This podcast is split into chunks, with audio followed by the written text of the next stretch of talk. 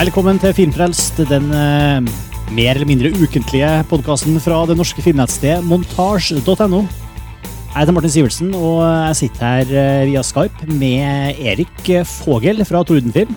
Hallo, Erik. Hei, Martin. Jeg er litt redusert inventar pga. travle jeg jeg tror det er julegaveshopping. Ja, helt sikkert. Så må jeg også unnskylde min litt eh, nedsylta forkjølelsesstemme. Men eh, det, eh, sånn er det at the show must go on. Det er jo, jeg kan ikke tro at det er en hel uke siden sist podkast. tror jeg vi er, vi har brutt mange rekorder i år.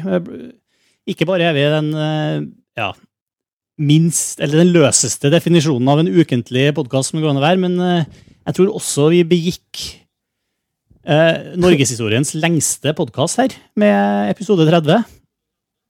Ja, og Så kommer jo NRK med Bergensbane-TV-greiene sine da, og bare knuser Ja, typisk. oss. Men uh, det skal vi ta igjen. Det, det er gode muligheter når vi skal ha år- tiårets topp 100. Uh, Ja, den. Ja, den tror jeg kan gå en par døgn. Også.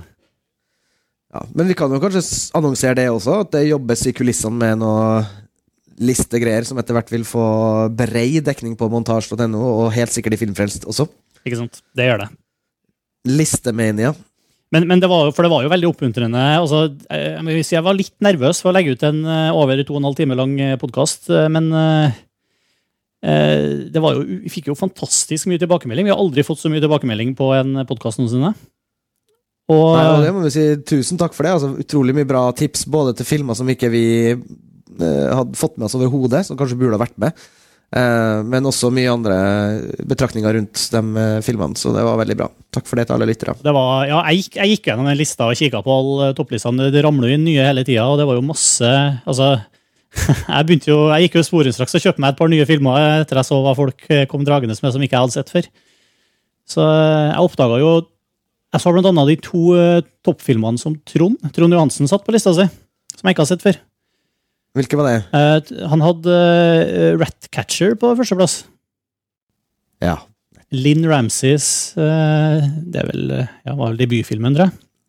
Jeg tror det. skotsk eh, film som jeg i tillegg kjøpte og fikk servert uten tekster. Ja, Eh, da har du litt å tygge på. så det var litt sånn intens filmopplevelse. Men det var eh, veldig bra, og eh, en skikkelig sånn eh, nedover, downward spiral-film hvor alt er bare dritt. Eh, men det var veldig, veldig vakkert laga likevel, og ja, skikkelig sånn eh, feel bad-film med kvalitet. Eh, Så så jeg Audition. Kjenner du til den? Ja. ja, men det, det tror jeg er sånn film jeg ikke tør å se. Ja, den har jo litt sånn eh, ja, torturpornostempel, tror jeg. Ja. Jeg vet, det var også en veldig kjip film, da. Som hadde veldig mye kule grep, sånne stilistiske grep i seg. Så jeg skjønner hvorfor Trond liker den.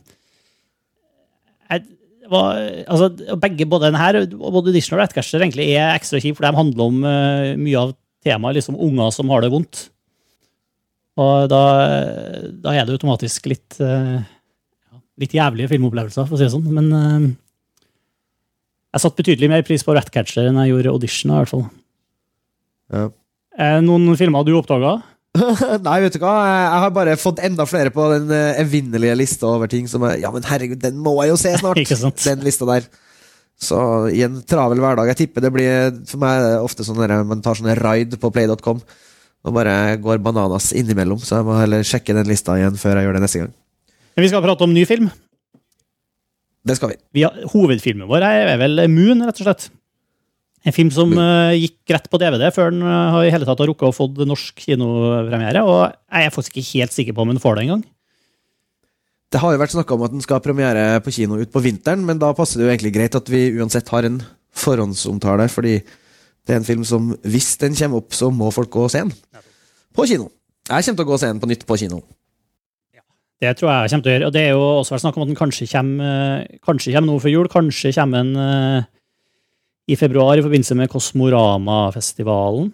Da med påfølgende kinopremiere. Og kanskje kommer den ikke. Så det, uansett, la oss da høre litt på traileren.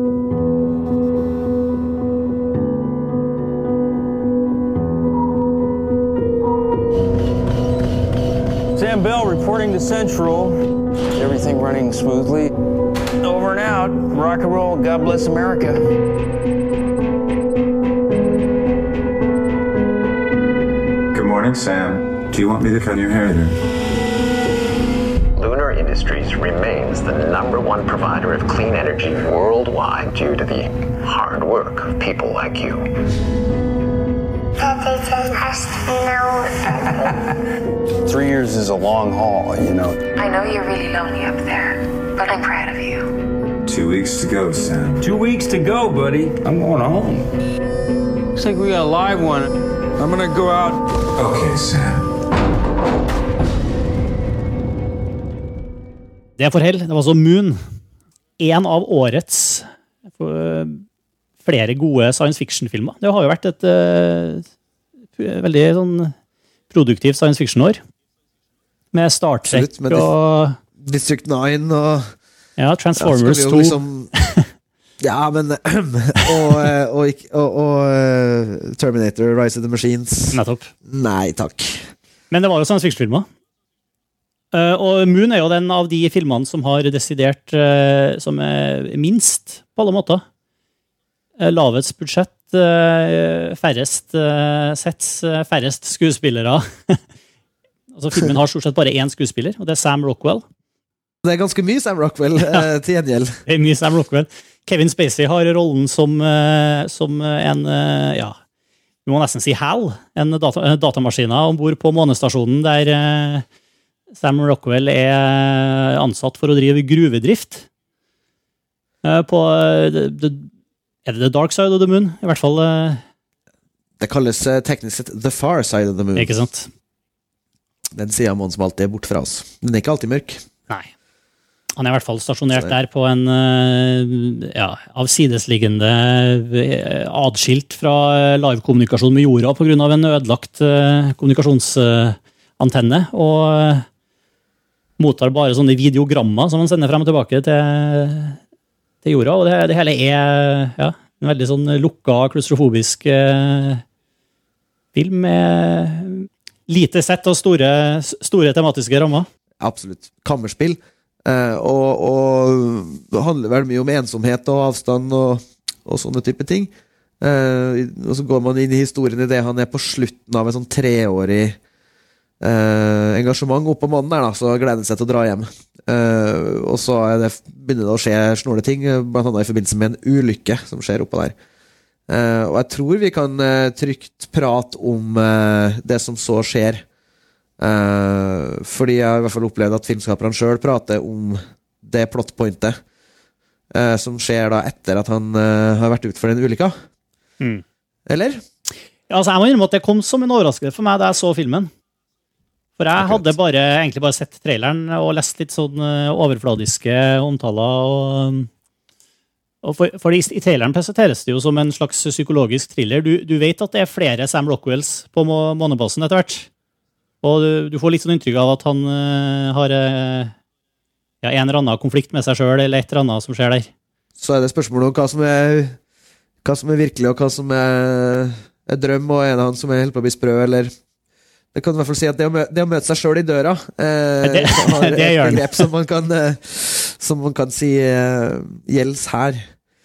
Ja. Men så begynner det ganske sånn finurlig så liksom, Når filmen da begynner med, med det, altså når han eh, Etter den hendelsen, da begynner det å bli eh, veldig interessant, syns jeg. Men det er også en film som på en måte fra, fra første bilde tar deg inn i en stemning, og som har veldig kontroll på, på, på virkemidlene sine, syns jeg. Eh, Det er godt gjort av Duncan Jones, hans debutfilm som regissør. Britisk regissør, sønn av David Bowie. Um, og eh, ellers, eh, jeg så på DVD-en, så hadde eh, der lå det en kortfilm, en sånn novellefilmlengde, som eh, er egentlig den eneste filmtittelen han har gjort. Men fordi han har jobba ellers tidligere som eh, kameraoperatør og som eh, reklamefilmregissør. Det tror jeg er bakgrunnen til han Duggan. Men han har jo allerede Men, fått nye jobber etter Moon. Han skal lage en film som heter Source Code, vet jeg, med Jake Gyllenhaal. Ja, pluss at det har vært snakka om et sånt veldig ambisiøst prosjekt som heter Mute. Som, en, eh, som han Jones sjøl har beskrevet som en eh, arvtaker av Blade Runner. Ja. Og da, klart, hvis du tar hvis du tar det, den tittelen i din munn, da vet du at da har du litt å, å levere på. Men eh, det eneste konseptbildet jeg har sett fra Mute, er jo veldig Blade Runner. Det, Ja. det ser ut som Men, men altså, det er jo tydelig at han, Duncan Jones der er jo en kar som har Som virkelig har kost seg med de samme filmene som, eh, som, som jeg vet vi har kost oss med. altså Blade Runner, men også altså Alien-filmene og, og ikke minst 2001. Du ser det jo altså Moon er jo i veldig stor grad en hyllest til de gamle filmene. Ja, og det er på en måte Det er mange ting vi har sett før. Jeg blir også minnet på en annen eh, 70-tallsfilm som heter Silent Running. Eh, og ikke minst uh, Tarkovskij sin Solaris. Ja, det er veldig Uh, alt det her, og det og 2001, er liksom, det er masse element her. Altså, både i forhold til tematikk, uh, scenografi, lyddesign um, Og settdesign. Og, og, og, ja. Og s- spesialeffekt, og hvordan ting er gjort. Spesialeffekter og sånne type ting. Som er liksom ting du har sett før, men som jeg syns han klarer å sette sammen på en fascinerende, fa fascinerende og veldig solid måte. Altså, jeg fikk inntrykk av at det var mye rett og slett mye god gammeldags miniatyr. Altså, de, det er jo en del scener ute på månen med noen sånne månebiler som kjører rundt. og Det så rett og slett ut som miniatyrer. Det er det også. Eh, men det som er interessant med for at jeg som på en måte spesialeffektentusiast, så la jeg liksom fort merke til det at ok, her er det en lavbudsjettsfilm som eh, altså den er produsert for eh, som tilsvarer fem millioner dollar, tror jeg. Som jo selvfølgelig er liksom eh, I norsk målestokk er jo ikke det lite. norsk storfilm, ja. men som er i ambisjonsnivå i forhold til hva de har fått for de pengene, er imponerende her. Det vil jeg si. Ja, men det handler liksom om å, om å, å bestemme ok, vi har så mye penger, og så går man, sånn som han sier noe bakom materialet, så går man bakfra derfra. Ok, Da må vi må liksom si der er grensa, og så må vi gå bakover og finne teknikker som gjør det resultatet mulig. Eh, og havne på det budsjettet. Men det som er fascinerende, er at ja, det er masse modellarbeid, men det er egentlig mye mer digitaleffekter i det enn eh, jeg trodde. Eh, når jeg så filmen eh, Så greit, du, du, måte du, du tenker jo ikke- så mye over det, men du, men kommer ikke unna at det er modeller på, på eksteriørene der. Det kommer du ikke unna. Men når jeg ettertid fant ut at ganske mye av interiørene også har blitt fiksa på med digitale effekter, f.eks. den robotkarakteren til, som med stemmen uh, uh, til Kevin Spacey, Gertie, Ja, det, der er faktisk også en, en veldig clever blanding av eh, praktisk og, og 3D-effekter. det er jo ikke åpenbart det men det er jo, han har jo blant annet en hånd. Er det den som er 3D-animert? eller? Hånda i 3D, men Mm. også selve roboten, visstnok. Ganske, gjennom ganske store deler av det.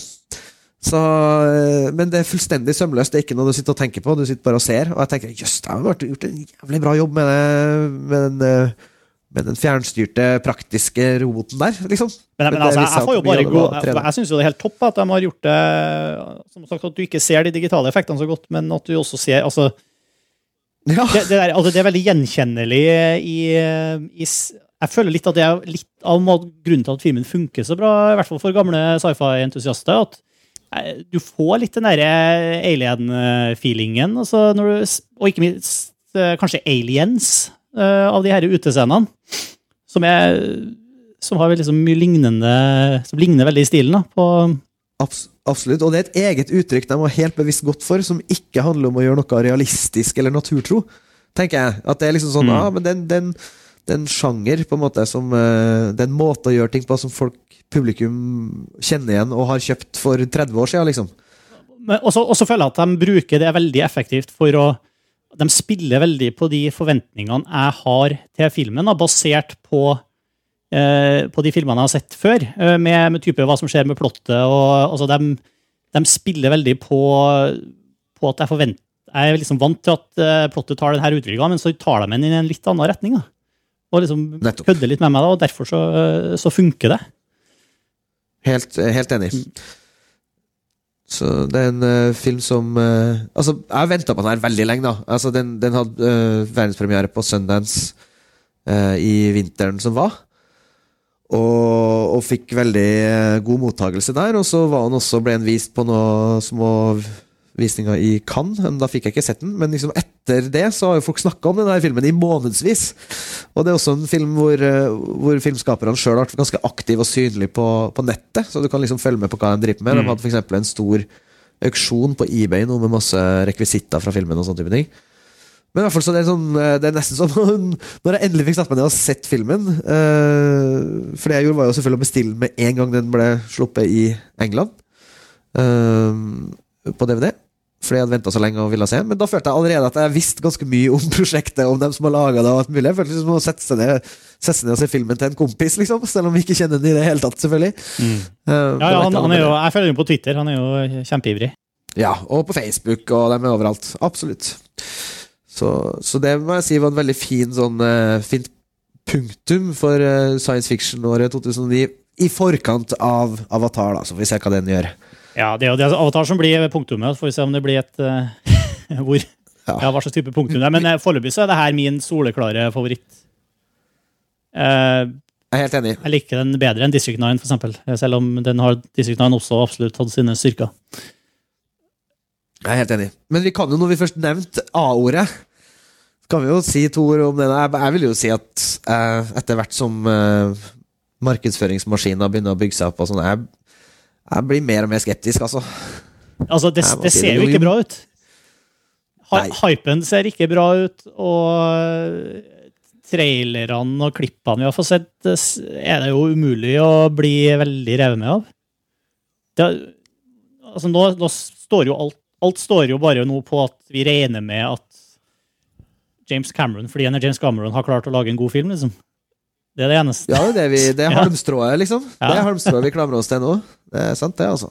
Uh, Så vi kommer jo selvfølgelig til å gå og se den. Ja, ja. vi kommer jo selvfølgelig til å få en enorm eh, Et stort publikum eh, tidlig. Så er det spørsmålet å klare dem å holde. Er det en god film? Er det en film som får folk opp av sofaen og ut av huset? For det er jo paradoksalt at Moon, som er en så i hermetegn uh, lavbudsjettfilm, blir så bra. Og hvis Avatar eh, ender opp med å floppe, så er det jo liksom Jeg kan nesten tro at det spiker kroken på døra for megabudsjett eh, sci-fi. Ja, altså, i, i, de, I de groveste estimatene på hva Avatar til syvende og sist har kosta, inklusive markedsføring, så ligger man jo på liksom, oppimot 500 millioner dollar. Og det er klart at da er jo Moon med sine 5 millioner dollar, som er altså 1 av det, da er det liksom eh, Ja, da må jo liksom Avatar være slutten på en eh, Men på den annen side, jeg leser jo også at folk regner med at Avatar, uansett om den er bra eller ikke, kommer til å gå med overskudd. Men det er noe, sånn, det er noe muffens der, skjønner for alle estimatene om hva Avatar har kosta. Det er noen som sier 420 millioner, noen som sier 500, liksom litt forskjellige estimater. Så er det sånn eh, Jeg hørte et eller annet sted at liksom eh, Om det var en eh, referat fra en eller annen New York Times-artikkel, eller et eller annet sånt. Hvor liksom Ja, ja, men her er det Det er ikke så mye av de pengene som er risk-penger. Det er liksom Jeg bare skjønner ikke Ok, er ikke det her risikokapital? Er ikke det her noen som har investert, og som sitter nå og skjelver? Nei, det virker som et eller annet sånn derre at noen av pengene er sånn nesten jeg å si, sånn skattelette eh. Altså hvor det liksom ikke ikke er så viktig. Jeg skjønte ikke det, de klarer, hvorfor de spiller ned det. Eller jeg skjønner jo hvorfor man har lyst til å spille ned konsekvensene av en flopp. Det er klart. Men jeg fikk liksom inntrykk av at det var ikke så farlig med en del av de pengene. Jeg skjønte ikke det. Det gikk ikke opp. Det er som å kjøpe hus. Det er liksom 100 000 til eller fra eller til, liksom. eh, Ja. Ja, sant. Du, du, Nei, du, du nei, teller mye mer på knappene på en liten film, tenker jeg. Ja, absolutt. Men det, de har fått eh, veldig mye ut av, uh, ut av Moon, altså, for å vende tilbake til den. Den har 200 og Jeg sitter bare og siterer bakom materialet. Jeg satt og så gjennom alt det. Ikke sånn eh, Jeg har den derre Jeg vet ikke om den har kommet i flere utgaver, men jeg tipper den bare kommet i én singeldiskutgave, den uh, britiske uh, utgaven. S- Uansett, jeg har kjøpt den, og den, den har ikke så fryktelig mye bakom stuff. Eh, men, men de sa i hvert fall at det var sånn rundt en 270 effektshot, hvis du tenker på digitaleffekter. Mm. Det er ganske mye, altså. ja, Det det, er ganske mye eh, CGI. ja, men den er jo også åpenbart da, velprodusert, og, men den er jo også veldig smart, syns jeg. Sånn uh, manusmessig og den, den, er, den får gjort så mye med så lite. Både, ikke bare med, med rene synlige penger, liksom, men, eh, men også med måten Ja. den forteller historien og hva den handler om. Altså, det er jo virkelig en film som man blir ettertenksom om. Den er dagsaktuell i, i tematikken, og den er morsom og underholdende samtidig. Og Helt klart. selv om det absolutt ikke er en actionfilm, skal man jo ikke påstå. Nei, helt klart. Men, eh, men eh, jeg også syns at det er jo skrivinga her. Det er jo skuespillet til Sam Rockwell. Det er jo Altså, nei, de har full kontroll, da. Og det er veldig mye uh, Ja, den, den uh, gir det du forventer. Den, den, det var den filmen jeg hadde venta på så lenge og gleder meg til. Det var det. Bra, så kjøp den på DVD, eller kryss fingrene og håp at den dukker opp på norske kinoer. Gjør begge deler. Gjør begge deler. Så det Du hadde også sett eh, en annen film du har lyst til å prate om, eh, Erik? Ja, Fra Now for, now for something completely different. ja, veldig. Det var bare at jeg hadde Jeg har ikke, jeg har ikke fulgt med på alt Gus Van Sant har gjort i siste. Og en av filmene jeg ikke har fått med meg, eh, er den her Last Days, som er en sånn HBO-produksjon som jeg ikke vet om var på kino en gang i USA. Det vet jeg ikke. Liten, rar film hvor han dikter rundt en slags eh, fiksjonsutgave av de siste dagene til Kurt Cobain, en film fra 2005. Eh, hvor en eh, karakter som er sånn ung eh, rockestjerne med langt, blondt, tjafsete hår, bor i et stort hus.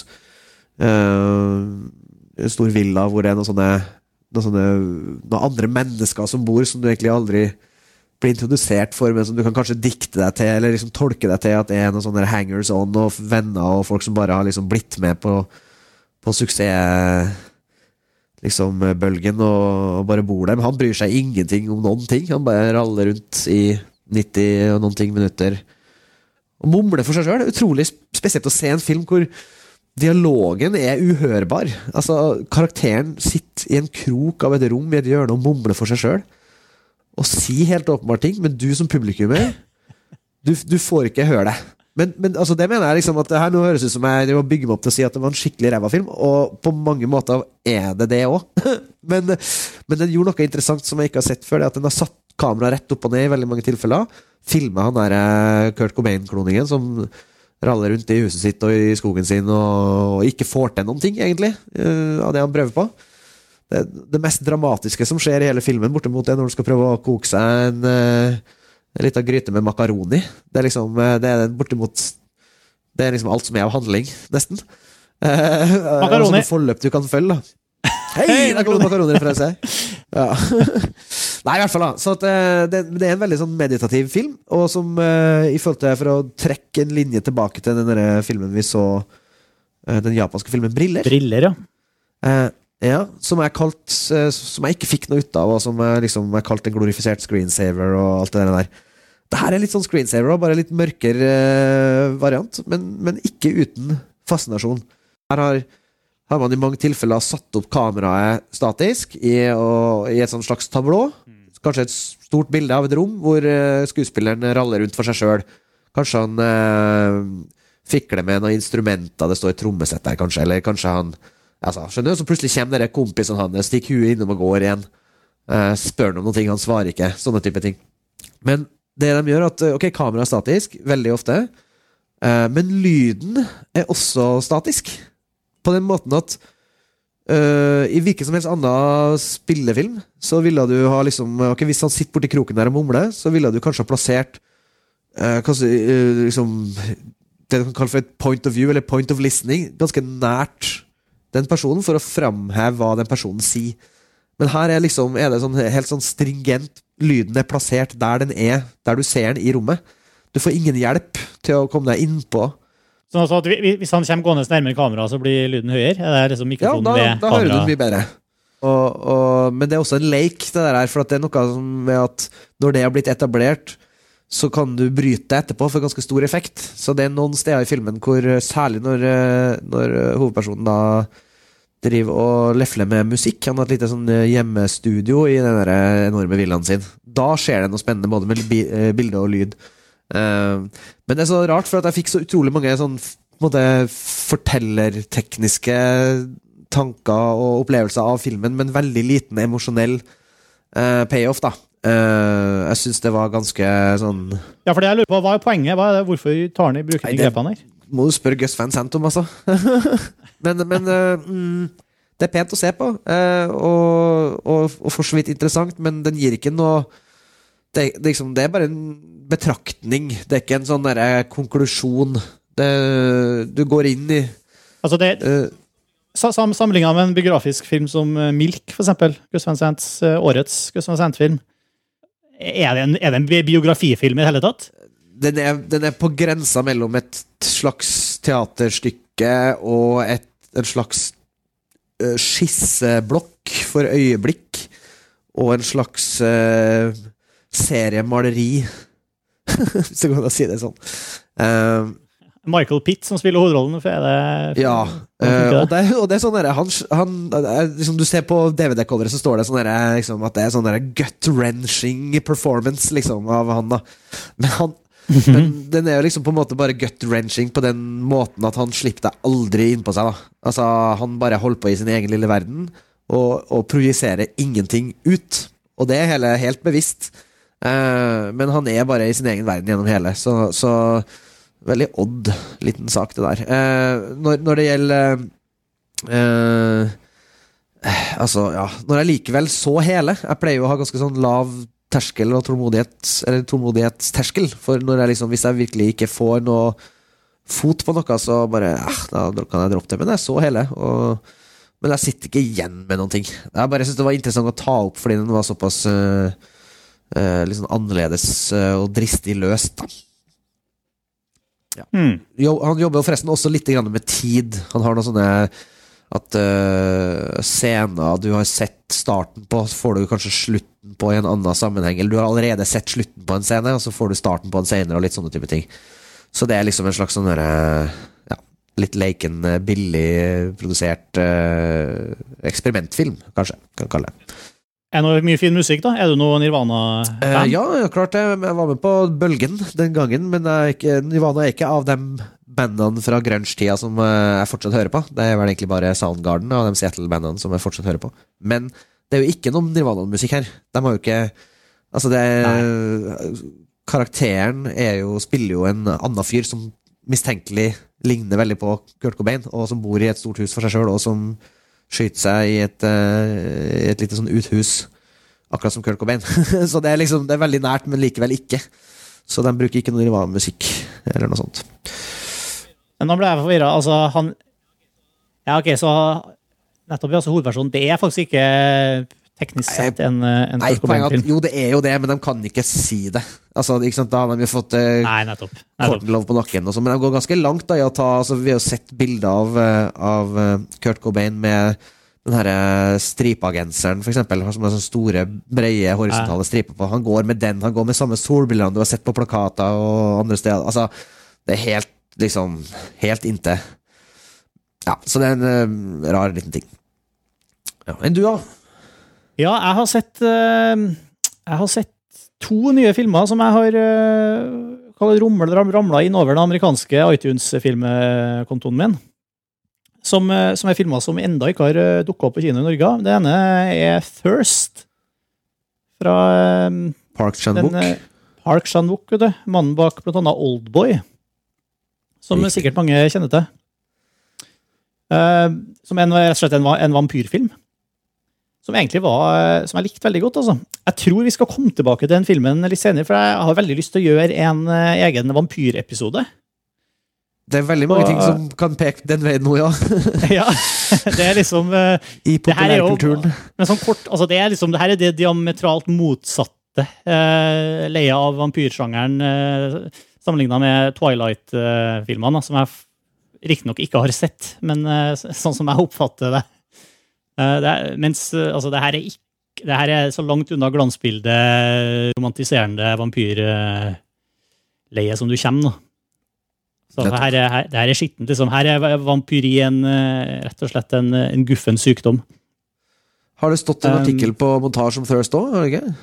Det har det. Den er skrevet av uh, Kari Petronella Finstad, som er en av de nye skribentene våre på montasje. Og det var akkurat Kari jeg tenkte å få med meg på, eh, På på vampyrsending, ja. den eh, kommende vampyrsendinga. Det tror jeg blir bra. Eh, Men en annen film som jeg kan prate litt om, er eh, The Limits of Control. Nyeste filmen til Jim Jarmusch. Ja. Som, som også, altså De filmene her er jo som er tilgjengelige på DVD. Ja. Det som er interessant med at du må leie dem på, på en måte som du, hvis du sniker deg til en sånn amerikansk konto og får dem over iTunes, at du får se dem i HD. Og de er jo ikke ute på Blu-ray, tror jeg, Enda. Så, så det er en av de få måtene du får se dem i, i virkelig god kvalitet. Og, Og, og begge de filmene, altså både Thirst og Limits of Control, men særlig Limits of Control, er en eh, virkelig sånn HD-film. Altså for den er, så, den er så vanvittig pent fotografert. Og så er det samtidig Det, det som er spesielt med Limits of Control, at den er, i tillegg til å være veldig vakker, så er den skikkelig, skikkelig kjedelig. Det, Ja, jeg vet ikke, det er liksom eh, Det er Jim Jarmusch eh, på sitt eh, beste og verste, kan du si. Det kommer an alt an på hvilket forhold du har til den, men han er han er virkelig sånn uh, sjangeroverskridende, og eh, i- i- han sørger for at det ikke skjer noe spennende. Han hopper veldig bevisst Det er, en, det er en slags Det er jo lansert som en spionthriller, nesten. Eh, hvis du ser på Ja, trailere og beskrivelser og sånn. ja, det står uh, uh, sjanger crime, drama, thriller, står det på IMDb.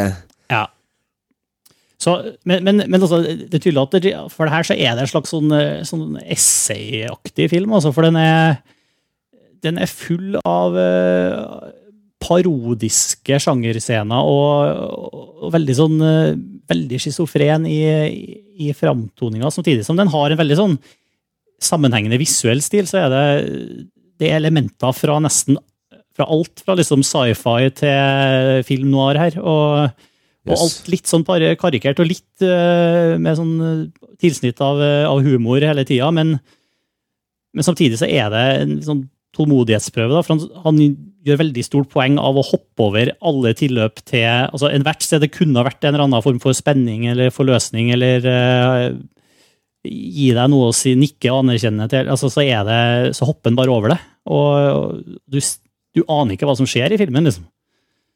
Det er, en rekke møter på kafeer og diverse steder på tog og sånn med, mellom agenter. Og, jeg har skrevet en lengre sånn, eh, artikkel på montasje som det går an å gå inn og, og lese litt mer og se litt klipp og sånn, men eh, Men eh, jeg likte jo Broken Flowers, som var forrige filmen. Den likte jeg, med Bill Murray. Men Den likte jeg veldig godt. Ja, du likte den òg, men det er liksom eh, jeg, jeg, Den var veldig sånn tydelig ankra på han. Ja, Bill Murray er også med her, en eh, liten rolle. Ok. Mm. Men er det liksom eh, Er det en film for eh, folk som likte Broken Flowers, eller en film som ønsker seg for folk som ønsker seg en litt annen Jarmusch? Tematisk kan man si at den er, det er kanskje mest lik Ghost Dog, fordi det handler om en leiemorder. Ja. Det er litt okay. sånn samurai-rollen, da, men den er jo mye vanskeligere å følge enn en, en Ghost Dog, altså, som, er, som var jo en Ja, ja. relativt sånn populistisk film. Den her er, den her er vanskelig å se på, liksom. Fordi, fordi det, det er så vanskelig å få tak på den. Skal den på kino i Norge, da, tror du? Den skal Nei, du, det vet jeg ikke. Jeg har hørt både det ene og det andre.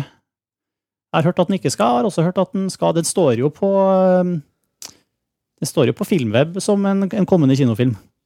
Ok. Men eh, det har også hørt, hørt det kvitra at, at den ikke vil dukke opp, så jeg er usikker. Hvis noen som vet det, så send oss gjerne en mail og, og opplyse oss, eller komme, legge noe informerende info der. Informerende info. Legge inn en info, ja. informerende kommentar under, under artikkelen på, på montasje, så vi vil gjerne vite om det. altså. Men det, det, er liksom, det er en film for de som ønsker seg en liten utfordring. da. Ja. Det er jo en, det er en sånn nøtt å knekke. da. Du, må jo sitte, du, blir jo liksom, du har så utrolig mye tid til å sitte og tenke på hva er det egentlig han, han lager film om her. Ja. Så det er også, eh, i likhet sikkert med altså Den er også meditativ på den måten. da. Ja, ja. Så absolutt noe, noe i hvert fall være klar over er der. Um, vi har en konkurranse Akkurat det jeg skulle si. Ja. Det har vi. Uh, du husker klippet fra sist gang? Jeg husker aldri det klippet fra sist gang, når du spør om det hver gang. Hva var det nå? Det, det slår meg at det være ganske vanskelig, det her er konkurranser, fordi eh, jeg har enda ikke vært med på at eh, kanskje med unntak av eh, da vi spilte fra Orions belte, at noen eh, av Filmfrelsgjengen klarte å gjette hvilket, hvilken film jeg spilte klipp fra. Problemet mitt er at vi må høre det på nytt, vet du. Da kan vi Ja. få tilbake hjernecellene. I want my brother back, please, if it's all the same. What's said is said. But I didn't mean it. Oh, you didn't. Please. Where is he? You know very well where he is. Det er jo lett, da. Det er lett, ja. Det er jo lett, da. Det- Den så jeg på kino når den kom. ja. Den kom i 1986. Og, og jeg faktisk ble regna som en stor skuffelse, tror jeg. En Sånn, altså, jeg hadde jo ikke noe begrep om det når jeg var 11 år og så den på kino, men uh, liksom, det er en film som kanskje ettertida har glemt litt, men som kanskje er verdt å se igjen. Ja, altså eh, Jeg har bare gode minner fra den filmen. Samme her. Eh, og jeg har Det er lenge siden jeg har sett den. Jeg har eh, skumsett den litt Uh, nå, og ble jo fascinert nå, altså. I forbindelse med at jeg henta ut det klippet der. Mm. Uh, hvem, hvem hørte vi? Vi hørte i hvert fall David Bowie i Labyrinth. Nettopp. Og med Jennifer Connolly. Nettopp. En veldig ung det, hadde- jeg glemt. Så det er absolutt en Det er jo en, i veldig høy grad en dukkefilm, selv om det er med liveskuespillere. Det er jo Jim Henson som er regissert, eh, produsert av George Lucas, og uh, i det hele tatt delvis skrevet av annet Terry Jones. Og, Det er jo et drømmeteam. ja, ja, det er en kjempefilm, så vidt jeg, så vidt jeg husker. Er fall, den kom veldig sånn tett på uh, i nostalgitrippen min etter Supermann, som var den, Ja. forrige konkurransen. I hvert fall, det, Vi har et par stykker som har uh, tippa riktig. altså. Blant annet vinneren, Jannike Stendal. Jannike Stendal Hansen. Gratulerer, Jannicke. Du er Jannicke. Gratulerer. eh, tidligere observert i kommentarspaltene. Jeg vet at Jannicke har en blogg som heter Between Hiccups, så det kan være en liten Sjekk ut den. Eh, ellers er en T-skjorte på vei i posten til deg, Jannicke. Det sier vi eh, hver gang, har vi sagt i flere måneder nå, uten å ha noen T-skjorter på lager. Men nå vet jeg at eh, de er under bestilling, så Nå må montasjen begynne å levere her snart. nå må vi synes jeg. virkelig begynne å leve. Hvis dere sitter hjemme og tripper og lurer på hvor, eh, hvor det er blitt av premien deres, så, så dere, er, dere er fortsatt ikke glemt. Men eh, vi må selvfølgelig ha et nytt klipp til, neste, gang- til, til den episoden her. Så det er bare å høre nøye etter. Hvilken eh, film er det klippet her fra? So I just held the trigger back and fanned the hammer. It was one of those old time. Boom, boom, boom, boom, boom. And I blew him out of the gas station. And ever since then, I always carry this. Hear that. A well armed populace is the best defense against tyranny. I'll drink to that. Ja, så hvis du klarte å gjenkjenne filmen, eh, så send oss en mail. Eh, Filmfrelst. Konkurranse, episode Oi, hvor har vi? Episode 32. I emnefeltet. Og eh, i- oppgi gjerne også adressen din og hva slags eh, T-skjortestørrelse du ønsker deg. Så Nå tror jeg ikke du sa mailadressen. eh, send det hvor som helst. Nei, send det til filmfrelst at montasj.no. Så får en sjanse til å vinne en fantastisk, eh, snart til å bli produsert montasj-T-skjorte. Og få navnet ditt opplest, selvfølgelig, og heder og ære for din eh, leksikalske filmkjennskap. Ja. Eh, ja. Kanskje vi skal bare rett en runde av denne episoden av Filmfrelst Light? Ja, det blir en light-episode. Vi må ha lov til å ha episoder som varer under to timer også. Det må være greit. Men vi er tilbake om uh, kun kort Kun kort tid. Om Det er ca. en uke. Takk for uh, laget, Erik. Takk for laget, Martin. Vi prates. Vi, eh, vi høres.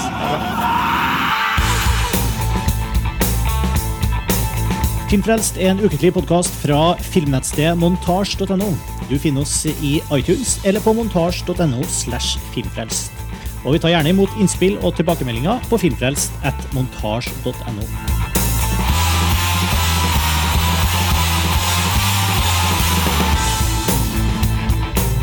Og musikken du hører nå, er fra det norske bandet Ping. Hør mer på thepingpage.com.